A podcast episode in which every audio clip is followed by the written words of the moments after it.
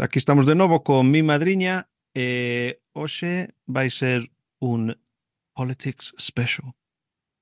Entón, pa, como sabedes, moitos os escoitachines que nos escoita, eu non son moito de detalles, entón eh, decidimos mellor encontrar un experto en estas cousas. Eh, antes de nada, David, todo ben por ali? Hola, boas, todo ben por aquí. Así me gusta. Pois mira, vam, vou lanzar de, no, de a, así ras e vou introducir a Duarte Romero Valera que é máis ou menos un dos padriños dos uh, falangullos galegos que, por certo, moitos falangullos galegos tanto en Galiza que en outras partes do mundo, como o noso, eh, tuvo como inspiración o mítico Té con gotas, que non sei, Duarte, se si dicheste de conta que hoxe mesmo, estamos grabando o 17 de febreiro, eh, son cinco anos exactamente dende o primer eh, falangullo. Desde, desde o primeiro te congotas, dis? Sí. En serio? Ah, pois pues non sabía, non era consciente desta efeméride. Eh? pues no. mira, mira ti por onde, é verdade que foi en febreiro, pero non, non me acordaba, ostra, cinco anos, eh, onde vai? Como pasou o tempo. Sí, aí está. Oi, Carlos, tamén manda carallo que nunca te prepares nada para este podcast e que xusto o que te preparas sabe lo mellor que o protagonista. Eh, sí, sí, alucinante. Ai, mira como sabe, eh. Moi ben, moi ben. Orgulloso de ti. Eh, grazas. Está, eu ando dous anos e, eh, bueno, xa está empezo a aprender un pouco. Bueno, entonces, eh, claro, mañán xa é os eleccións en Galiza, E non sei se mirades os dous eh, ata aquí no, no Guardian um, levaron un, un titular que decía que os conservadores de Galiza parece que poden perder mañán. Así que todo anda en, eh, en, en rumbo. Entón, Duarte, a ver, dinos como ti ves eh, pasando mañán. Eh, mañá, non pasado mañá, mañá. Eh, vexo moi asustado máis axustado que o que leva sendo a unhas eleccións autonómicas en Galiza en moitos, moitos anos. Desde máis ou menos o ano 2009 non temos unhas eleccións nas cales se ve tan claro que pode haber un, un, cambio, un cambio de goberno. Eh, temos a un PP que chega a estas eleccións moito peor quizáis do que eles mesmos, eles mesmos contaban, eles convocan estas eleccións creendo que isto iba a ser un, un paseo militar, por decirlo así, e que ian arrasar, que iba a ser unha campaña de perfil baixo, eh, que o seu candidato iba a conectar moi ben, eh, non foi, non, non está sendo o caso. Eh, comezou, eso, tiveron unha campaña moi incidentada, comezando coa crise dos pellets, da que seguro que xa todos os ouvintes eh, están familiarizados, E despois fixeron unha campaña moi errática, cambiando constantemente de mensaxes clave. O seu candidato pois eh, non se presentou a varios debates electorais, intentaron o esconder. E, pola outra banda, na, na parte da oposición, a verdade é que a campaña do, do BNG, do Bloque Nacionalista Galego, foi a campaña que funcionou eh, realmente ben. E agora mesmo vemos que Ana Pontón podería eh, disputaría esa maioría absoluta ao, ao Partido Popular. Eh, son unhas eleccións moi abertas, hai un montón de incógnitas, pero, pero claro, unhas eleccións abertas é algo inusual, digamos, na política galega. Uh -huh. E que pensas do, do voto dos vellos que normalmente son moi conservadores? Pensas que o BNG deronlle algo para pa mirar hacia eles ou...? Ah, boa pregunta. A ver, eh, é verdade que se miramos todas as, eh, as enquisas sí que se ve que as persoas eh, máis maiores, sobre todo maiores de 65 anos, tenden a ser ou a votar máis eh, máis conservador, bueno, por eh, por distintos motivos, pero unha cousa que tamén se está comezando a ver é que o BNG, que por exemplo nas eleccións do ano 2020 era unha forza que sí que dominaba, sobre todo nos menores de 35 anos ou nos menores de 40, agora a medida que vai, eh, digamos, ampliando a súa base, tamén está comezando a, a, a disputar el, eh, segmentos do electorado máis maiores. Igual non nas partes máis, eh, máis eh, maiores ou nos grupos demográficos máis eh, máis maiores, pero sí que xa non é un partido só de, de xente máis nova. entonces creo que era o CIS que dicía que en todos os menores de 45 ou de 50 anos o BNG eh, era a forza con unha intención de voto máis, eh, máis alta. Entón vemos que esta estrategia, digamos, eh, máis ganadora ou máis transversal do BNG tamén está funcionando a hora de atraer a distintos grupos demográficos. Mm. Sí, porque claro. eu... Dalle, dalle, David. No, pode ser porque vimos que na Galiza pasou unha cousa no co Partido Popular no meu na miña opinión é que candidato que presentan a sustituir anterior candidato que fai que votes en falta o anterior que era o que o, o que odiabas ata algún momento pasou con Fraga que Feijó fixo o bo sí. porque como Fraga era máis da terra, ainda que fora unha o que el moviera un modelo como máis xermánico e tal, pero moito de regionalista, como quere dicir.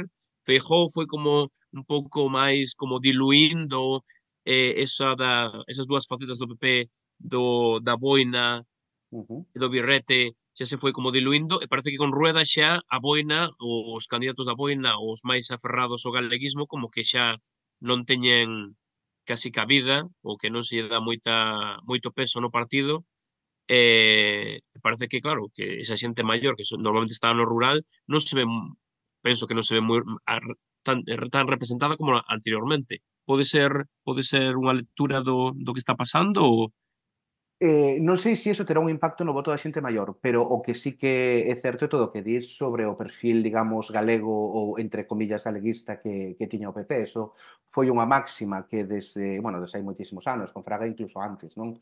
Esta idea dun PP regionalista ou autonomista eh, que, que apelaba a este sentimento de identidade eh, ou de identificación co país, Iso eh, agora mesmo con Rueda non, non o está facendo. Hai que algún comentarista político non que falaba de en vez de PP de GA, que sería PP de Galicia, agora hai que falar de PP ex GA, ex Galicia, porque nunca houve unha campaña tan, digamos, madrileñizada como, como esta. Eh, o PP centrouse moito en entrar no debate da política estatal, que era algo que normalmente fuxía como a peste. Ti colles as eleccións, por exemplo, anteriores en Galiza, de 2020, Eh, que víamos? Pois a Feijó como candidato absoluto, o logo do PP escondido nunha esquina, prácticamente non parecía que era o PP, e o seu lema era Galicia, Galicia, Galicia, nun momento no que o PP a nivel estatal estaba sendo, bueno, intentando competir con Vox a ver quen era, quen era máis conservador e quen era máis facha. E en Galicia estaban intentando ocultar eso. Neste caso, pois eulles igual, entraron nas dinámicas da política de Madrid a falar pois amnistía en Cataluña, a falar de ETA, eh, trouxeron, que isto manda narices, eh, a Isabel Díaz Ayuso a dar un mitin a Vigo, eh, no cal lle chamou a, a, a Ría de Vigo, la Bahía de Vigo, entonces nunca vimos unha campaña nese sentido tan tan madrileña como o que fixo o PP desta volta. Eu creo que é un dos motivos polos cales esa esa campaña está sendo tan tan mala, porque o que eles facían eh, francamente ben, que era ter unhas campañas moi apegadas ao territorio, eh, que falaban eh, en clave, maioritariamente en clave galega, eso perderon no, nesta, nesta ocasión. Que eso vai se notar nas urnas? Home, eu creo que sí, eh, supoño que se notará, pero bueno, eh, de predicións eu tampouco son un, un especialista, pero desde logo non é unha campaña eh, boa a que fixeron. E a, a falta do componente galego, desde logo estáse, estáse notando. E no Ese- tema de, de Ayuso, eh, que lectura faz de que Rueda convide a Ayuso? Porque claramente está confrontada con Feijó para chegar algún momento a, a presidencia do goberno de España? Pois a verdade que non, non o teño claro, porque aí sí que se me escapan moitas claves, digamos, da, da política intra da, da, da política interna do, do Partido Popular. Eh, non é iso que trouxese Ayuso, trouxa máis presidentes autonómicos, o que pasa é que Ayuso está claro que é a máis eh, é a máis eh, coñecida sí que está enfrentado con FECO, pero bueno, a fin de contas teñen, teñen que compartir, teñen que compartir espazos. Eu honestamente non sei que rédito político lle poden sacar a a traer a Ayuso máis alá de mobilizar a un electorado, a un, a un segmento do electorado conservador en Galicia, quizáis o que mm, se vexa máis fascinado, máis traído por Ayuso, pero que non é para nada a maioría nin a centralidade do, do seu electorado que non que non está aí. O tipo de discurso que fai Ayuso non é o discurso tradicional que levou o Partido Popular, un discurso moito máis ideolóxico, moito máis combativo, iso non é o que lle deu grandes réditos nin grandes maiorías ao Partido Popular en Galicia. Precisamente foi eh, asumir unhas posturas eh, moito máis e unhas formas moito máis suaves que o que, que o que achega Ayuso. É interesante, Duarte, que dixeches que o, a campaña é bastante madrileña, digamos. Eh, eso me sonou moito cando estuvo Jeremy Corbyn aquí no seu punto máis uh, popular e empezaron que era amigo de la IRA en Irlanda e de Hezbollah e todo eso. Todos, son, todos son os xogos mesmos que xogan por todo o mundo estos. Sí, sí que se parecen, sí que se parecen moito, a verdade. Eh, a campaña que fi, sobre todo na última semana, non? Eh, a estrategia que asumiu o PP foi eh, de confrontación total co, co BNG na, na primeira parte da campaña a estrategia que xogaban era, eh, os galegos teñen dúas opcións, que esta foi a mesma que de feito usou Feijó en 2020, ou elixir estabilidade co, co PP con Alfonso Rueda, ou eh, elixir o, o caos eh, e un multipartito que sería o que serían BNG, PSOE, Sumar, Podemos. Curiosamente, esta tamén foi a estrategia que os conservadores británicos usaron contra Ed Miliband eh, cando falaban no, de era ou David Cameron eh, estabilidade con David Cameron ou o caos con Ed Miliband, uh -huh. que sacaran un, unha imaxe na cal salía Ed Miliband no, no peto de Alex Hammond do, do S&P.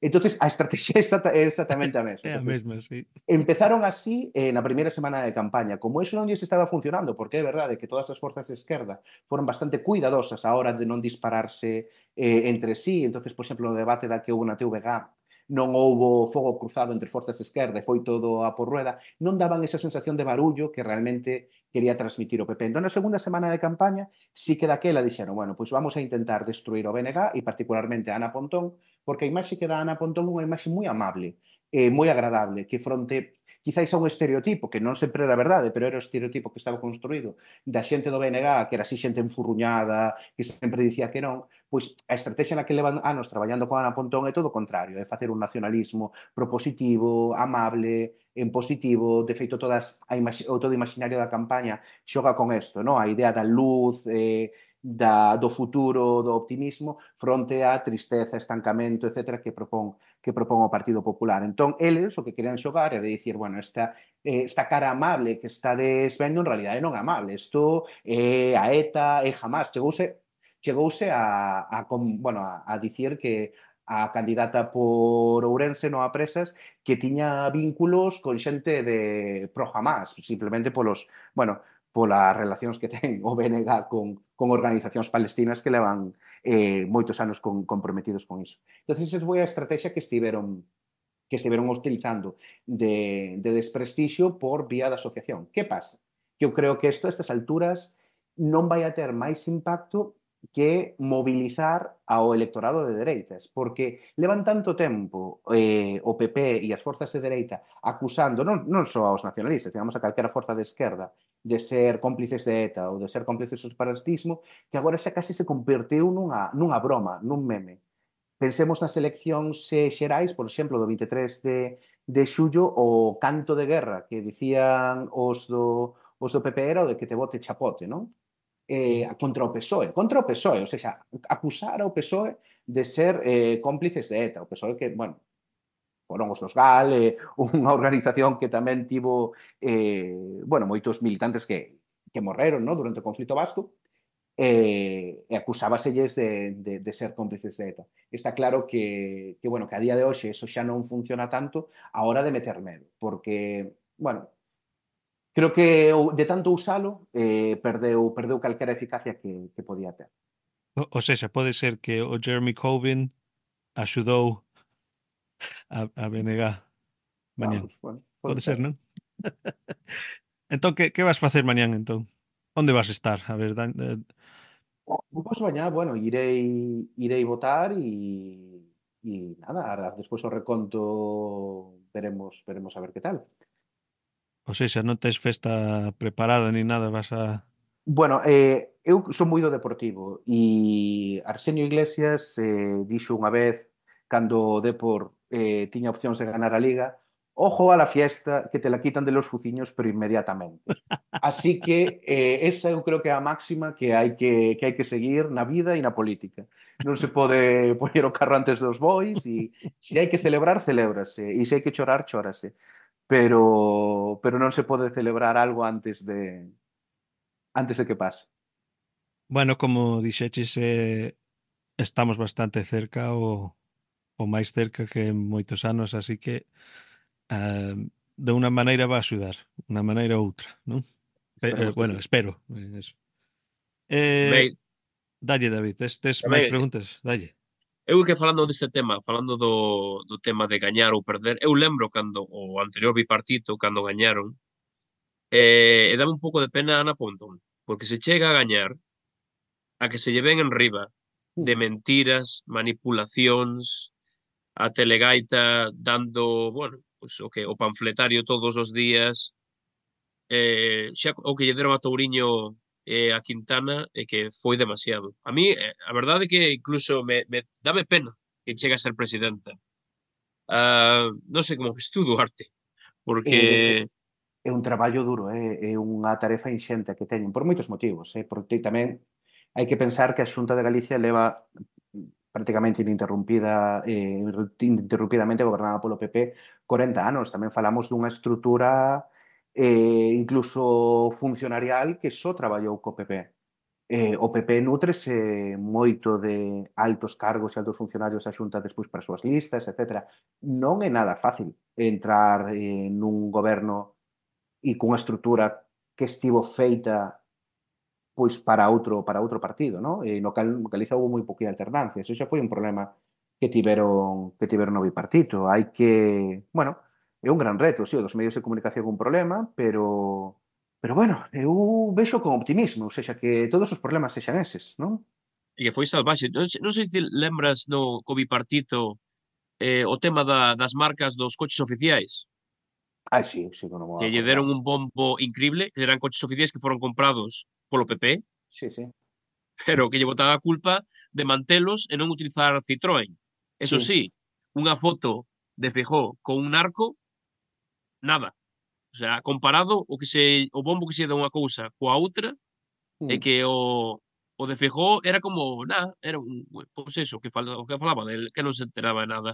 Pero eso sí, ter un coche que non sexa un Citroën era para pa sacarlos da xunta, eso mellou na xente. Eso era o repetilo todos os días, uh -huh. eh, hora tras hora, eh, fixo moito dano na, nos dous partidos, no, no BNG e no PSOE. Sí que houve algún estudio por aí que dicía que ese foi o factor máis determinante a hora da perda do bipartito. A asociación do bipartito con, con luxos, os, esos coches que eran uns Audis, unha reforma no despacho de Touriño... E unha neveira de... no, no coche, na, no, no maletero dun coche ou algo así. Claro, pero que era unha tontería que unha neveira, Jesús, era un... Nada, bueno, un... Unha neveira como que, como que levas á praia, pouco máis. Claro, claro. Pero o que, o, o que, o, o que veño é o que, que por un, un detalle sin importancia poden, uh -huh. poden sacarche da xunta rapidísimo. Pois, tamén, creo, pois... tamén creo que a política cambiou. Eh? Eu eh, recomendo a todo o mundo que lea eh, un libro que se chama O futuro é posible, que son basicamente as, as memorias de Touriño, na, no goberno e, e no tempo no tempo previo. Independentemente de que che gustase el máis ou menos, é un libro super interesante porque conta o intríngulis e a intrahistoria de moitas cousas non que, que pasaron naquela época.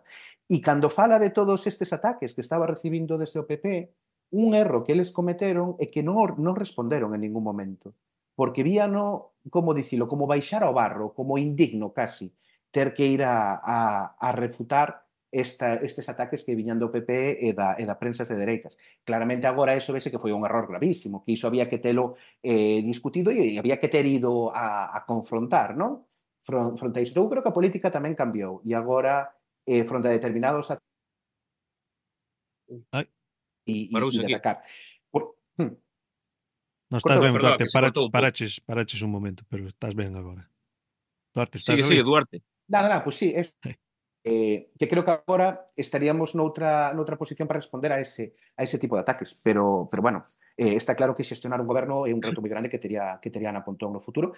E tamén, bueno, hai que xestionar unha coalición co, co PSOE minoría, que non falamos nada do PSOE que eso tamén é significativo, que estemos falando dun cambio de goberno e o PSOE non saia hasta que levamos, non sei, 10 minutos falando, porque mm. ahora mesmo están sendo bastante irrelevantes a campaña, eh, prevese que non van a levar un bo resultado, e habería que ver eh, que atitude teñen a hora de ser minoría.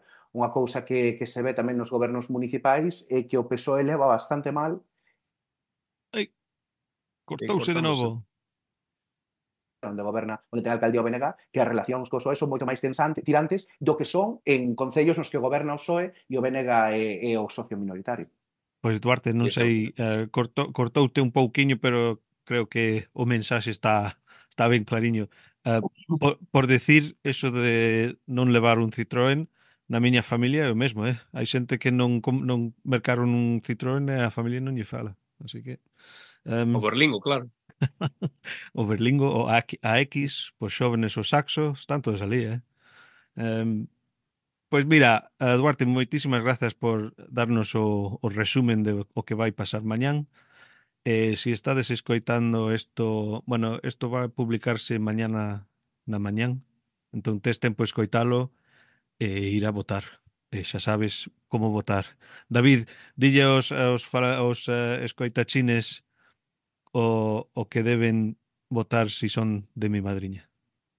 Se son de mi madriña, ten que votar a calquer partido que non sexa popular, calquer partido que sexa dos obreiros de verdade, en que non nos poña só nas ONG iniciais. Calquer partido que non que non sexa morado, que leve só as cores da bandeira galega.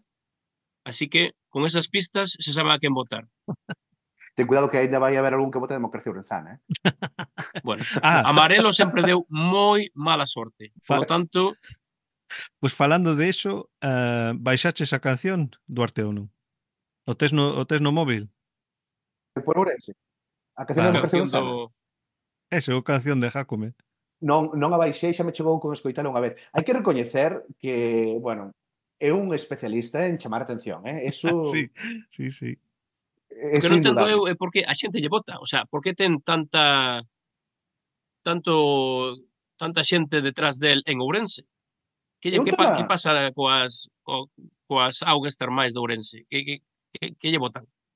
Ese, hai que darlle, hai que darlle unha volta, porque é un problema e está apelando pois a un, a un sentimento de, de altraxe ou de discriminación histórica a Ourense, é verdade que Ourense ten moitísimos problemas, cidade e provincia. Eh, tamén é certo que o resto de, digamos, de forzas políticas que estiveron no goberno non lle dieron solución e iso pois crea monstruos como, como Jacome, un determinado estilo eh, do que, entre comillas, eh, es pode chamar falar claro, e funciona, ainda que parezca que sexa pois, un corrupto, un tipo cunhas prácticas moi turbias, pero está funcionando, pero algo que, desde logo, o futuro goberno galego vai ter que reflexionar sobre, sobre iso, porque se algo como Jacome triunfa en Ourense é que existe un problema social. Eh, eso é algo que hai que, que, que solucionarlo e, desde logo, a provincia de Ourense tampouco pode estar como, como está a día de hoxe, perdendo poboación, con moi poucas eh, oportunidades laborais, Eso é un problema real. E Jacome non deixa de ser un síntoma dun problema que está que, que, que existe na cidade e na provincia. Claro, si, si Jacome é, eh, é, eh, é o cura que é a enfermidade, non? Claro, claro. Eh? Se, se Jacome é o, eh, está ali de alcalde, eu creo que eh, o mi madriña London pode chegarse ao podcast máis escoitado ali, eh?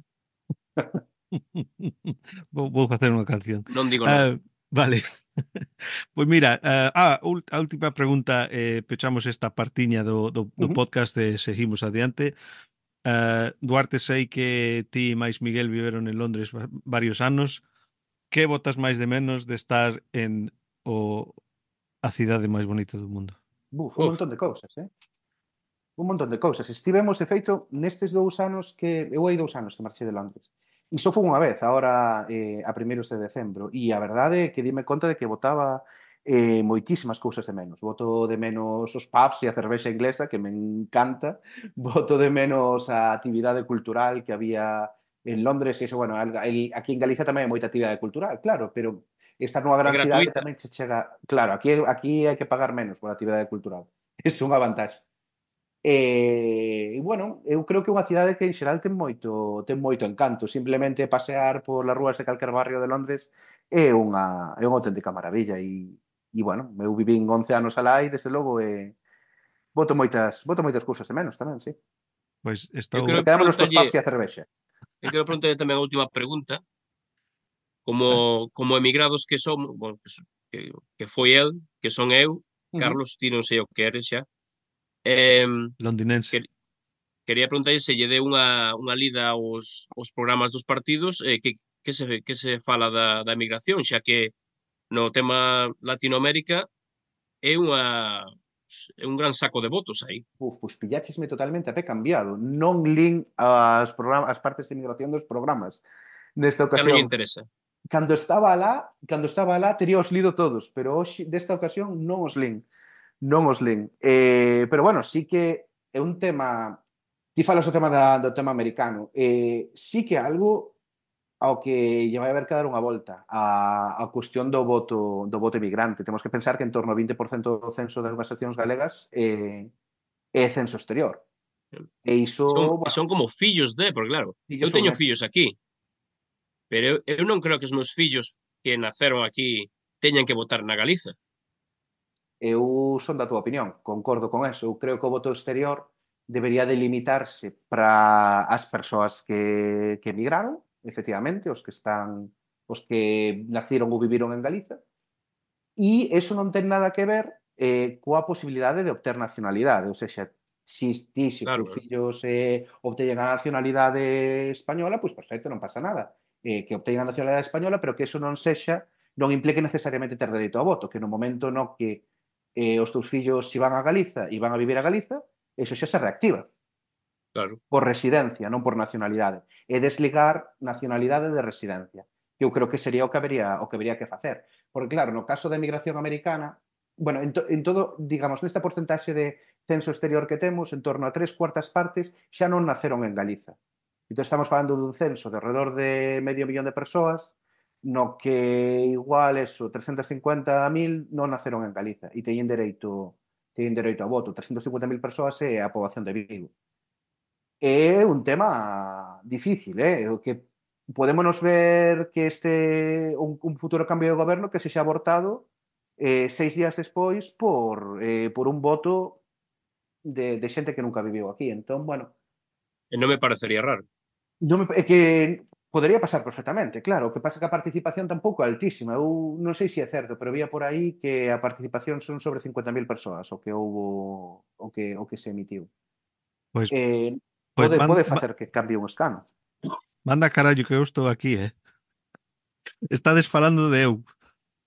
Xa, senti, dime conta, sentímolo moito, pero... Eh, a ver. Joder. Bueno, un de, é un debate que hai que... No, tomar por culo, non quero votar. No, pero vou dicir unha cousa, Carlos. Cantos desos fillos de migrantes van á Casa de Galicia, van a comer o cocido no entroido e a celebrar todo o Día da Patria no, que to no día que toca? Ai, habrá, habrá que facer unha proba, entón. Claro, proba de galeguidade. A ver se Ana Pontón, se sai presidenta, que me colla a min e vou, e vou facerlo a eu de... Como se chame, como do Guinness. Eu teño que encontrar fianzas. Isto, Carlos, como como emigrante, como como diáspora galego da segunda de, de segunda es, xeración. Como es ves? que, bueno, eu, eu teño pensado xa dixen moitas veces neste podcast que eu teño pensado a retirarme en Galiza. Entón, claro, claro eso daime un pouco de diferente vista, sabes? E se si pudiera a votar, claro, axudaría o que parece que os, os tres queremos, non? Entón, pero igualmente entendo perfectamente o que estades falando do a diáspora non é toda a mesma. Mm. Ti, tipo, por exemplo, eu tamén teño familia en Bolivia, eh, non, non teño nin puta idea o que está pasando ali políticamente. Eh, si quisiera vivir ali, ao mellor meteríame un pouco máis e despois que quisiera ter un, unha voz, pero claro, sen, sen que ter un bloque de xente que pensa como eu de Galiza, pois non, non vale a pena porque si sí, pódense, po, bueno, pódense comprar, pódense facer moitas cousas con eles, non? É moi barato comprar en Latinoamérica agora en Argentina. Pois mira, aí. Dalle a unha persoa 50 euros, faz o mes. E botache cada o que queres. E bota o que lle dá a gana. Non é mesmo ir con 50 euros a Suiza. Mm. Pero bueno, calquera persoa, dalle 50 euros e di, non iba a votar, pero vou a votar paso ali unha hora e voto e xa está, 50 euros no meu peto. Pois mira, falando de a, a miña entrevista para poder votar en Galiza, eh, dixeches agora, no, David, que fomos, fomos a, o, o cocido do Entroido o domingo pasado. A segunda casa de Galicia, a, a que ten máis bandeiras. Duarte, non sei se isto non estaba en pé cando estabas ti aquí, que te, tivemos o, O centro galego estaba pechado varios anos e, e cando abriu, abriu así a medias. E dous um, cociñeiros que chegaron aquí máis ou menos a, a mesma época que meu pai, nos 70, uh -huh. e chegaron, creo, dous anos atrás a, a forrar suficiente para poder comprar unha, un, una, un bar pequeno en Clapham. Entonces eh, montaron eso, a terraza, eh, moito amor poa terraza, en Clapham North, se estades por Londres. E de vez en cando fan, fan cousas galegas, entroido, festados a, a das castañas e tal. E o domingo pasado tocou cocido, e fimos Davide, máis a familia e tal. Eh, David, a ver, conta co, como se, se che gustou ou non. Deste, deste sitio. Entón abriron recentemente, dis. Sí, recentemente. Vale, Hai un ano. Eu, eu, eu, eu vivía moi cerquiña, eh, de, Ah, sí. Stroy tamén moi cerquiña de, de Clapham Ah, North. sí, pois pues mira, está a dos minutos da estación de, de, de Clapham North. Uh -huh. A ver, David, contanos como, como foi a, ah, a, o, o rollo. Pois pues nada, pois pues quedamos ali, eh, bo ambiente, moi bo ambiente, moitos galegos de todas as idades, eso sí. Eh, e ben, o que pasa é que eu cometí un erro, que foi sentarme ao lado do teu pai, porque se ti falas, o teu pai fala o dobre. Entón, claro, todos os pratos que eu, que caía no, no, toda a comida que caía no meu prato acababa fría. Porque era falar, falar, falar. Eu xa quedei que iba a facer un podcast co teu pai. Pois sabes Así que... Igual que... que buscar a outro. Ese cabrón non fala anos. E despois atopa alguén que lle interese fala como, como se si non pode parar. Claro, e sempre pedimos que, nos tra... que a xente que nos faga crítica, fixo toda a crítica a él. Sí, no, xa, pero eso é cousa de, cousas de pai e fillos, non? Sí, sí, sí. Pero, bueno, moi ben, moi ben. Pasei no ben. Eduardo había gaiteiro, eh, había queimada e todo. Sí, señor. Sí, sí. Unha naqueña de Galiza aí en, Ajá. en Londres. E, ese, esa queimada estaba fortísima tamén, estaba boísima. E, e tamén eh, estaba falando que había un... Teño un compañeiro de... É de Madrid, vive aquí como seis anos ou algo así, traballa no sindicato E el vive en Clapa mesmo, así que lle dixe, mira, pasa por aí, como xuntos e tal. E estábamos falando, sabes, estamos cinco ou seis pintas dentro, entón a, sae os mellores ideas así, non? Está, estábamos falando do, do Bloody Mary. Uh -huh. Non se ve en Galiza eso moito, sí? Non. E, eh, bueno, a ver, podelo, podelo atopar, pero non é, non é tan habitual como hai. Mm. Pois estábamos pensando facelo en vez de co, co o, zumo de tomate, pero con gazpacho. Ugh, Hostia. Sí. Ai, Eh, pois... Eh? Por- non ten por que non funcionar. Exactamente. Despois empecé a, a pensar, sabes, aquí hai los juice bars que te dan, sabes, para Ujú. estar máis sano danche un, un verde, un azul, un vermello e tal. E eu, como bo londinense, pensando que alcohol lle, lle podías añadir para melloralo, sabes? mm. o verde con ron así añejo. Eh, hai, eh, hai, un, hai un negocio aí que creo, penso eu. O podes facer des, fora dun gimnasio e así medio sano, sabes, todo balance, non? Así que o gazpacho repite de carais, eh? Meterlle eso a un... Inda por riba alcohol. Ai, sí, pode ser, non? Ráscalle, eh? Bueno, a, a pensalo, a pensalo un, un rato. Hai que facer experimentos. Sí, eh, eso sí, eso sí. Probar, catas, a ver se si funciona ou non. Pois, pois non sei, Duarte, ti probablemente non sabes. Davide odia a Londres e vive no quinto carallo en Bournemouth. Vivo e... na praia. Na praia. o lado do mar. onde, un, donde un galego ten que vivir. O quinto carallo. Vos sodes os ourensanos da, do, do UK. no, eh, ourensanos no, compostelanos en calquera caso que estamos claro, bueno, sí. no interior, pero cerca da praia. Ai, pero, eh, bueno, con Boris Johnson a mellor éramos o Ourense, pero xa non. Sodes como, sodes como os de Madrid co, co, co praia de Valencia, non? Está ao lado. Buf, eso doeume, eh, David, eso doeume. a min Londres non me gusta. Non me gusta en xeral, non me gusta no, non vi, nunca vivín aí, pero pareceme sucio, pareceme mm, ten as súas as, anda, as súas anda, cousas, non? Anda que seu, as... Bournemouth é lindo, non? Bournemouth está de puta madre. Bueno. se non estivera eh, se non estivera moi ben, non viñas ti co sindicato ali a tomarte os cubatas e a descansar un, unha semana inteira. Dous, bueno, sí, eran, era unha semana inteira, sí. Eh, efectivamente, sí. Aí, falando do sindicato e, e viaxes, vou este mércores vou para Lisboa tres días un congreso. E, e o que Duarte non sei, um, sabes cando cando vine a falarte no Te con Gotas estaba uh -huh. no sindicato. Sí, en Aram, sí. Sí, ah. agora estou no executivo para Londres. Ah, entón, vale. Sí, sí, entón nos invitan a todos os sitios, e claro, eu o ano pasado cheguei a os, o sindicato FEC Trans de, de, de Portugal. Uh -huh. e cheguei e eh, tenía un discurso claro e o fixen en galego o fixen en inglés e o fixen en, en castellano e diño o papel ao, a traductora e dixo que podiera facelo en galego sen problema, entón o fixen en galego. Que gran historia, que ben, sí, sí señor. Sí, señor. E isto foi en Lisboa, dis? Sí, sí. Que bo Que bo, que bo. Claro, e que querenos dicir, non, que co galego non, non se vai sí, sí. Sitio. E bueno, eu tampouco quero caer no argumento utilitarista, é dicir, o galego é importante porque é a lingua é a lingua na que falamos e nos comunicamos os que vivimos aquí, pero a maiores deso temos a, a oportunidade de, de falar e de comunicarnos con toda a lusofonía con moi pouquiño esforzo, con moi, moi pouquiño esforzo. Sí, é iso sí. un, un privilexio que, que estamos, estamos perdendo e non explotamos o suficiente. Mm. E falando diso, non sei se vichedes que no, no, no programa do PP hai, creo que hai como 11 propostas no referente a Portugal e un par delas é eh, a mellora entre económica e de lazos entre a Galiza e Portugal e a outra é eh, a promoción de, do portugués nas aulas galegas para a seguinte campaña.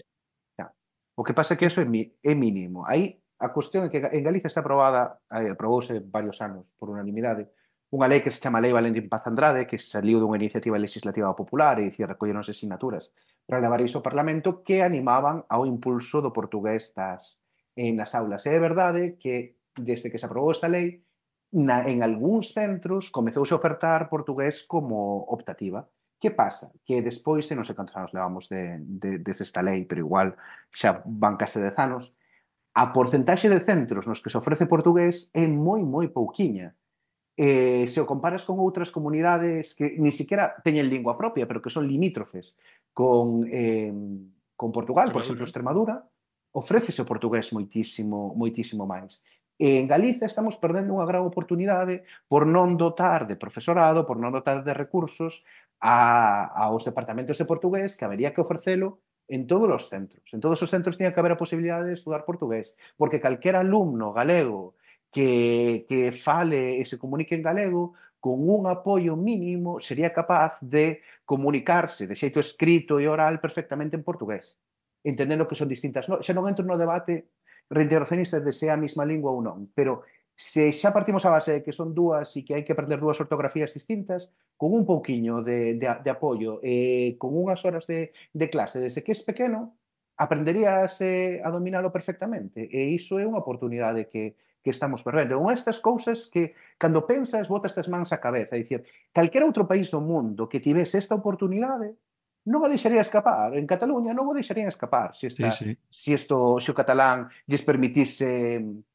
conectarse con, con unha comunidade lingüística máis grande, pero en fin, son estas miserias non de, do noso país. A, a única problema que tiven é que uh, un, un do sindicato portugués dime que mañán imos a xantar e lle dixen a que hora e me dixo ás oito da noite. Claro. E eu, joder. porque mm. eles son do, do eh, outro Tizas perdón que te estaba invitando a almorzar. Ah, eu joder, non vou poder comer todo o día o que? Que pasa aquí? Pero bueno, así é. Entón, eso, eu que sei, eh, eu, eu, con galego malo aínda eh, entenderon ben, así que ben. Eh, bueno, seguimos un pouquiño, temos, mira, David, temos en vez de só o email de Steve, temos outro. É eh, da maquinista galega coruñesa que che falei O mira ti. Fai un pouco. Funcionou, de... funcionou, o reclamo funcionou. Bueno, funcionou de un xeito, porque ela está escoitando o, o, o back catalog e aínda non chegou a ti. Ah, vale, vale, claro. Ah, bueno, pues entón. Eh, eh, vou, vou, vou lelo porque así xa vas a ver. Hola, Carlos e hermano. Entón xa fodeuse. Bueno, dixo... Xa era bon tempo desde que non reí tanto como onte escoitar a vosotros por primeira vez. Loving the podcast, next time tendré un vaso de viño na man e unha tapa tamén. Tes que poñer aí un galego la luna, que viva Galiza, María Jesús, RNT Rep Chilton. Aí está. Bueno, ben. Moi ben. ben. Non? Agradecido. Ahora saberá cando eh. chegue a, ao podcast no que eh, aparezo eu que son vale. o irmán mellorado. Ah, sí, eso vai ter que vai ter que falar outro, mandar outro email en comparación, comparación non? Claro, porque isto é un shock. Ah, claramente, antes se falábanse de, pues, de cousas, non había ah, cousas. Agora estamos intentando como meter cousas e despois cousas interesantes de xente con cousas interesantes que, que dicir, do que, do que falar. Entón, igual a, os escoitachins non, non entenden. Es non que, entenden mira, o cambio. como tópico, a, a merda xa, máis ou menos, xa se foi. Duarte, falábamos moito de merda, meu irmán é fontañeiro, e claro, mm. tiña contos de do, do chollo. Claro, eu tamén, eu tamén o son, eh? Teño algunhas tamén xa para cando a audiencia baixe, boto un conto de, da merda que, que me toca ver e sufrir todos os días e xa está, aí remontamos. Pois Porque ben. quería preguntarlle a Duarte antes de entrar máis. Vale. Eh, claro, eles deixaron o podcast, eu tiña a esperanza, porque tiña que, teño que dicir que o Té con Gotas era o meu podcast de referencia. O tiñamos todo, mm. todos. Eu me enteraba das cousas que pasaban aquí por eles, coñecía xente interesante galega no Reino Unido por eles, uh -huh. E, e claro, era como divertido, pero como moi mm, didáctico ao mesmo tempo. Uh. E pensei que cando marcharon, que eles farían algo na Galiza. Hai algún proxecto que, que podas anunciar? Que, que faz, Duarte?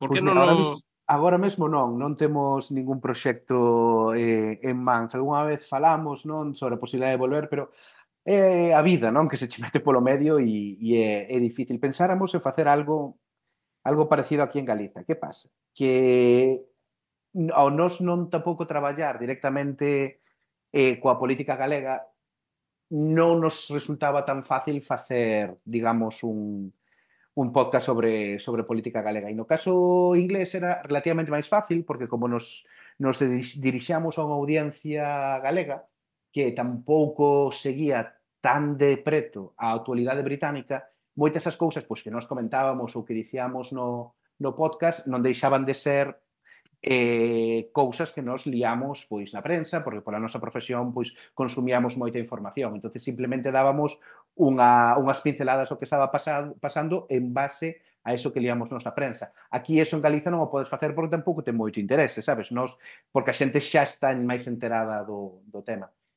Sí que nun momento intentáramos, eh, cando viñemos os dous para aquí, facer algo, pois, eh, digamos, eh, facer un podcast de ideas collendo eh, algúns eh, temas que nos parecían de interese, fixemos algún sobre política de vivenda, fixemos precisamente outro sobre o ensino de galego, que eran xa cousas máis centradas en Galiza, pero non, non nos daba, non tíamos capacidade nin tempo para preparar ese tipo de programas porque eran moito máis laboriosos e ao final acabámoslo deixando. Pero bueno, tampouco pasa nada porque as cousas rematen, a verdade é que bueno, ahora dixo Carlos cinco anos, e cinco anos o primeiro te con cotas, creo que foi unha moi boa experiencia, recibimos moi bo feedback de moitísima xente, moita xente nos escoitaba, e, bueno, como, como a vos, non? E, e, e algo do que nos sentimos moi moi orgullosos e foi un placer facelo. Seguramente pois eh, nun futuro facamos outra cousa distinta, pero eh, tamén ás veces as cousas hai nas que deixar cando, cando se está ben e cando estás orgulloso do que fixeches E se miras atrás, pois eh, miralo con orgullo e dicir, bueno,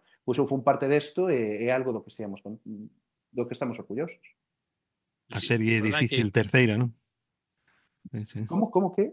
Es, eh, dicen no, os, os que fan problemas, eh, programas de comedia tal que eh, o tercer eh, um, como es? Season O terceiro, a terceira tempada. A terceira tempada é a difícil. É a, a veces claro. é mellor deixalo así como claro. lofes e sitios así como así. Mm. É verdad. Mm.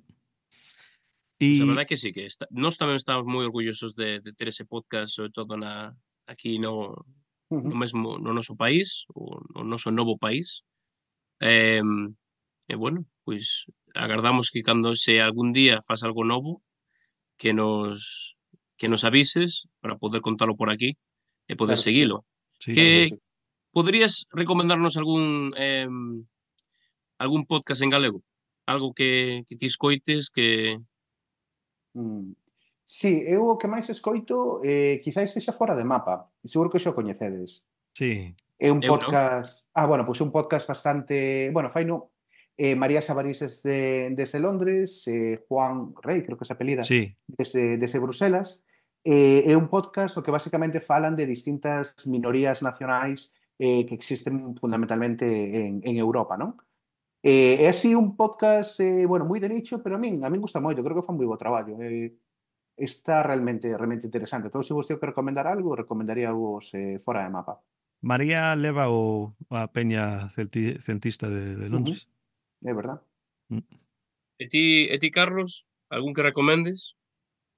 Eu uh, escoito moito do o que fai uh, Fran de Lobeira, que mm. pode ser podcast, pode ser Twitch e cousas así, eu escoito moitas cousas del que ten convidados moi interesantes.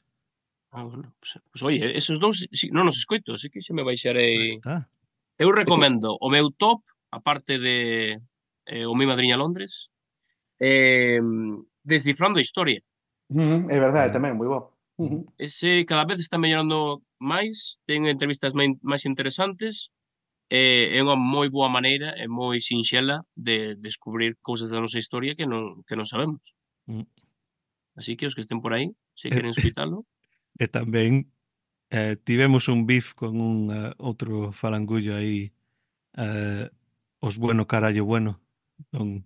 de Barcelona de Barcelona, sí uh -huh. entón mandolles unha tamén Porque te veche de Sif, contame máis. Que, que eu ademais coñezo este bueno ah, para llevar, non? Bueno, a ver, David, conta eso como empezou este BIF con, con este podcast pequeno. A ver, eu non comecei este BIF. Ai, non. A comecei non eu? Non, eso xa viña de antes. Pois non creo, eh? A ver, había... A ver, Duarte, vouche explicar.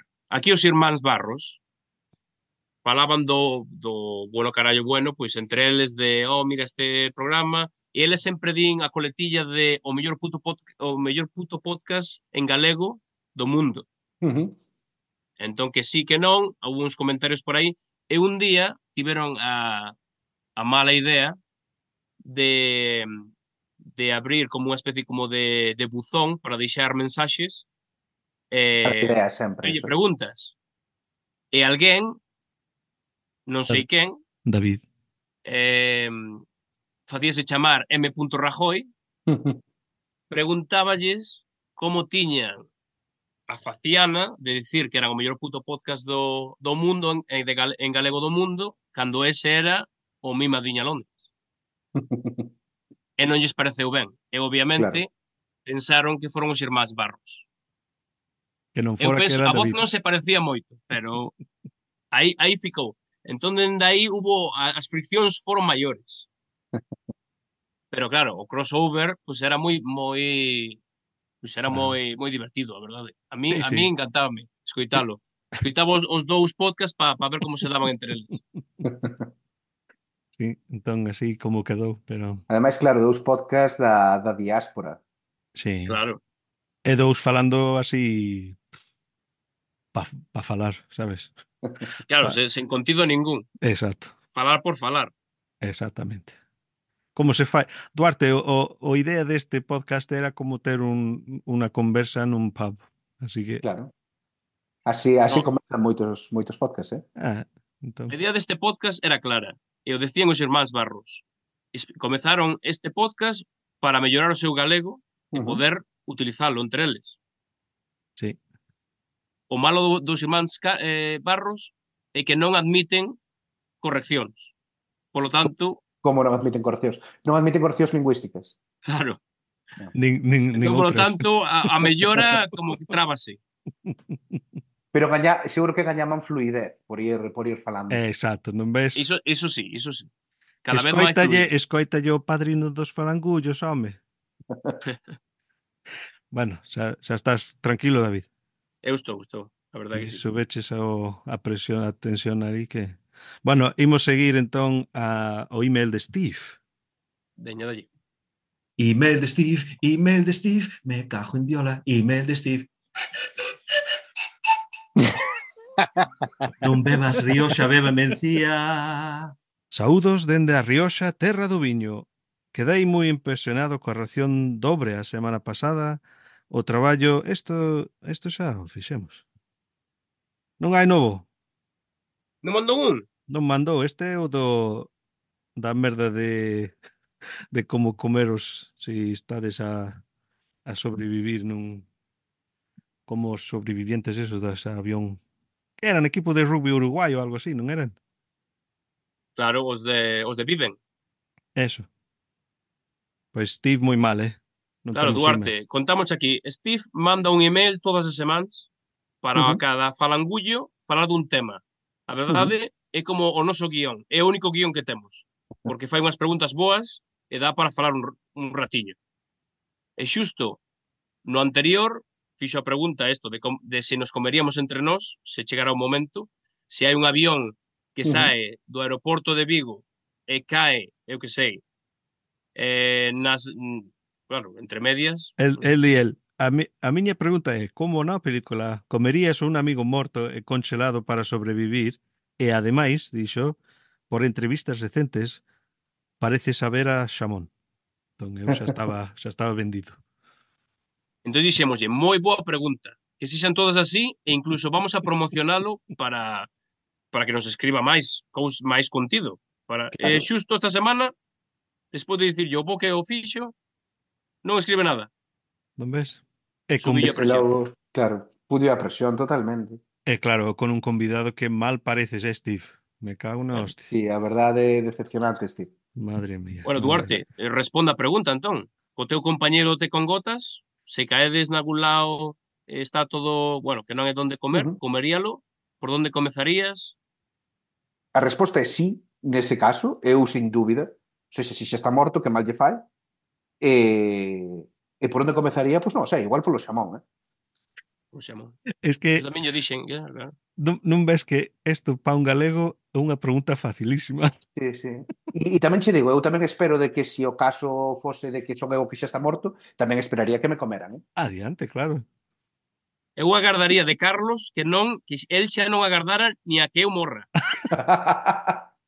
de Eso sí quedar que dormido eh, aí xa entramos noutro, noite... noutro territorio. claro, claro. Eso é la, o lado boliviano meu, sabes? Eu xa lle dixen, non fai falla ni un avión, como que se nos quedemos pechados nun, nun ascensor e tarde máis de dúas horas. Eu cantando, chicharrón de corazón, chicharrón de corazón. bueno, Steve, grazas por nada, cago na hostia. Eh, sí, non? Entón, seguimos a... Bueno, iba a falar un pouco de A min gustame meter unhas cousiñas que falo con xente pasando o día e tal. E a miña parella é irlandesa. Estamos falando outro día do, da tradición de, de tall tales, de contos que a veces son verdadeiros e a veces falsos. E empecé a falar a, a pensar que nas ceas familiares e tal, moitas deles terminaran co meu avó contando un conto. Uh -huh.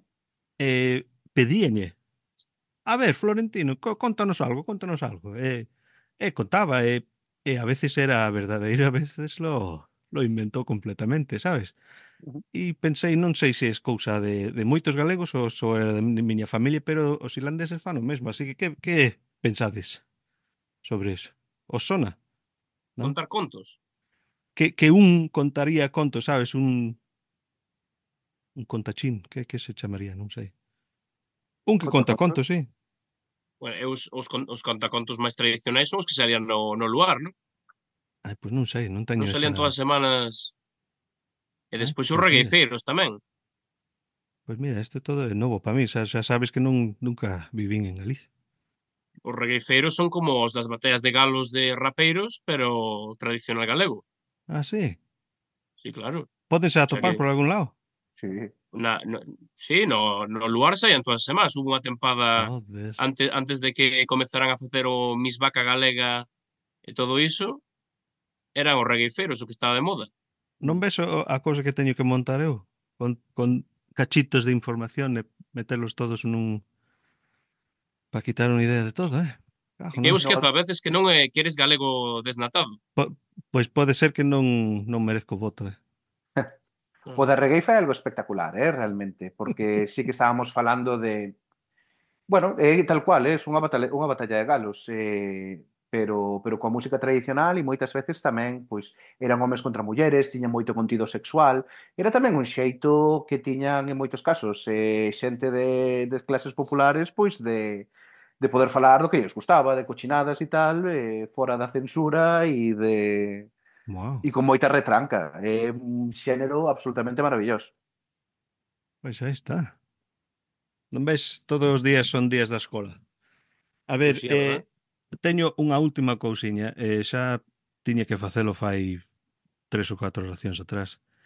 O, os do Orgullo Galego de vez en cando mandan, sabes, os insultos e eh, outras cousas en galego. Uh -huh. E claro, eu outra cousa que quero averiguar que cales usan a xente e cales temos que darlle un, unha hostia para que salguen máis así adiante. Entón vou, vou ler unha lista de palabras e se si vostedes o usan, pois berra, vale? Vale. Aquí vamos. Vale, veña. Saca espiñas, malfeitoura, rabelludo, rabelludo sí, ¿no? ¿No? Rabelludo. Roñosa, roñosa, sí. Pampo, Campo, sí. Trouleira? Sí, pero non como negativo. Ah. A claro, trouleira de, de festa. Claro, de, unha persoa de, trouleira eu creo que... Iso tamén depende de, da consideración que ti teñas a trouleira festa. Para min ah. unha persoa sería... trouleira é unha persoa divertida, é unha ah, persoa así que disfruta. Para outra xente igual máis osainas é algo malo. Bueno, este está titulado claro, ou... 60 insultos e álcumes. álcumes que, que son. Trouleira non é o mesmo que troleira, de trolas. Claro. Xa claro. non sei ni se eso sería galego ou considerado sería... Pois pues non sei. To, tolitates? Nunca na vida. Mas eso nunca escoitei, eh? Raspiñeira? Lelo? Lelo, sí. Loa Miñeira? Larpeira? Uy, eso Larpeiro, sí. sí. Lapacricas? Lamecricas, no. home. Lamecricas, sí, non? Sí, Lapa- lambercricas, lambercricas sí, lapacricas non. Ah, lapacricas. lapacricas, sí. No, eso non. Orgullo gallego, eh. eh non me meto. Palanqui, palanquina, Sí, sí. lambeteiro. Eso eres ti, Carlos. Eu son un palanquina. Eres un palanquín. Que carallo é iso? Ah, que non ven con significado? No, Pois ahora buscas no diccionario que esos son Vale. os deberes para vale, vale. Pero Palanquín non é algo, non é como un insulto moi dunha, dunha determinada zona? Ou é de toda Galiza? Ah, eu son da zona de Pontevedra, o Palanquín, claro, Palanquín, chamámoslle o que o, o vago, o que non sí, fai o que che fai a túa nai cando non faz os deberes. sonar que algo máis a Rías Baixas, é quereme sonar, non estou seguro. Pode ser, debe ser como... Se eu a, a xente do sur. Debe ser como os furanchos, que soe do sur. Ah. Efectivamente, se hai furanchos hai palanquíns, non? Efectivamente. Alpabardo, Não, Gors. Gorxón? Non. Jaleadora? Jaleadora. Jaleadora. Jaleadora, nah. sí. Podedor? Bueno, sí. Mel, melindreira? Mm. Mexe, mexerica? Mexerica, sí. Xanciño? Non. Non. Miña xoia? Miña xoia, sí. Sí, sí, esa sí. sí, ese moito ademais. Esa é todo... tamén algunha película da televisión de Galicia dobrada na Podes en, en Terminator, unha destas, seguro que sae. Ah, sí? sí, quizáis de todos eses que dixeches, eh, miña xoia debe ser o que o que máis usei eh, ao longo da miña Vou vida. apuntalo. Vou mirar miña xola. Miña xoia, este é un miña xoia. Miña xoia. Ok, está apuntado. Eh, a donde chegamos? Cachazudo? No. Morte Negra? Morte Negra. Morte Negra. Garatuxeiro. No, ese, ese gusta, eh? Morte Negra. Mortenegra, sí. Mortenegra é tremendo, espera. Déxeme buscalo se está na, no dicionario da Academia, é tremendo. Mortenegra. Mortenegra. Dios, no, no, dicionario non me aparece. esto es de orgullo galego. Yo que buscar unha, unha definición a isto, Mortenegra. Ten pinta de dun apelido destes dunha serie da galega, como de, a de Mataló. Totalmente, totalmente, sí. Garatuxeiro? Nah. Garatuxeiro, sí. Aí sí. Es, escachanoces? En que contexto? Como usas? A ver. Caratuxeiro? Sí. Sí. Como que che... Mm, Eu penso como que che dora píldora un pouco, como... Sabe, que che fai un pouco a pelota. Ah. Como sí, un neno entendo. así caratuxeiro, como... Como pi, pillabán. Xa, xa, xa. Entendo, entendo. Pero pillabán que che bueno, fai un pouco a pelota. Por lo menos entendes ti, Duarte. Bueno, os dous últimos. Q de Molete? Bueno. Nada. Nada. E o último, Tan Parantán. Ah, este é o meu favorito. Tan Parantán, as uvas tan verdes, no... Tan Parantán, xa madurarán. Soame, pero non sabería dicirche... Pois pues penso tes... que é un deses que a tua boa di, pero que o, o significado vai cambiando, vai a mudando. A miña boa está morta. Pois, eh, pues, obviamente, agora cambia moito máis. Tamparantán. Tamparantán. Bueno, vou intentar usalo esta semana con alguén. E a mellor vai ser ti, David. bueno, oye. Eu sempre eu sei que todo o que me chama sempre é positivo. Claro. Un tan para tan. Entón, a ver, eh, para rematar xa andamos oh, a Ouriña. Eh, David, esos detalles do, do podcast ou que? Se sabía, xusto iba a abrir ahora o Google para, para sacar. A ver, o Twitter London Madrina, ¿no? Sí. Arroba, arroba London Madrina. Correcto ou non? Sí, correcto, sí. E outro, eh, o Gmail, eh, mi madrina London, arroba gmail.com. Escoitas, eh, Steve. Eh, esa é a dirección. Eso. A ver, eh, Duarte, damos un anaco para poner cualquier promoción que queras. ai, pois pouco tío que promocionar, pero se hai alguén que nos está escoitando eh, desde Galiza, que vai a votar. Ai, nos escoites ai. mañá e de votar. A participación vai a ser fundamental nas eleccións de mañá. Se escoitades antes das 8 da noite, correndo os vosos colexios electorais. Espera, Eso espera, toda a promoción espera, espera, que tío que facer. Isto xa falamos antes. E de eh. votar, se ides votar ben. Se ides votar mal, non, non vaiades. Se ides, se ides votar mal, faz un Bloody Mary con un gazpacho e quédate en claro. casa. Se vas a votar sobre ruedas, non vais. Efectivamente. E se tes dúbidas de se votar PP ou Vox, mete as dúas. Aí está. Efectivamente. Mais vale que, que sobre que que falta. Claro.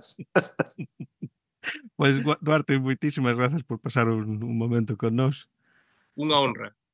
Sí, sí. Moitas grazas a vos. Foi unha eh, conversa moi agradable. Moitas ah, gracias. Así me gusta, así me gusta, nos tamén. Entón, David, só falta decir que eu marcho que teño que marchar. Abur. Que eu traio unha borracheira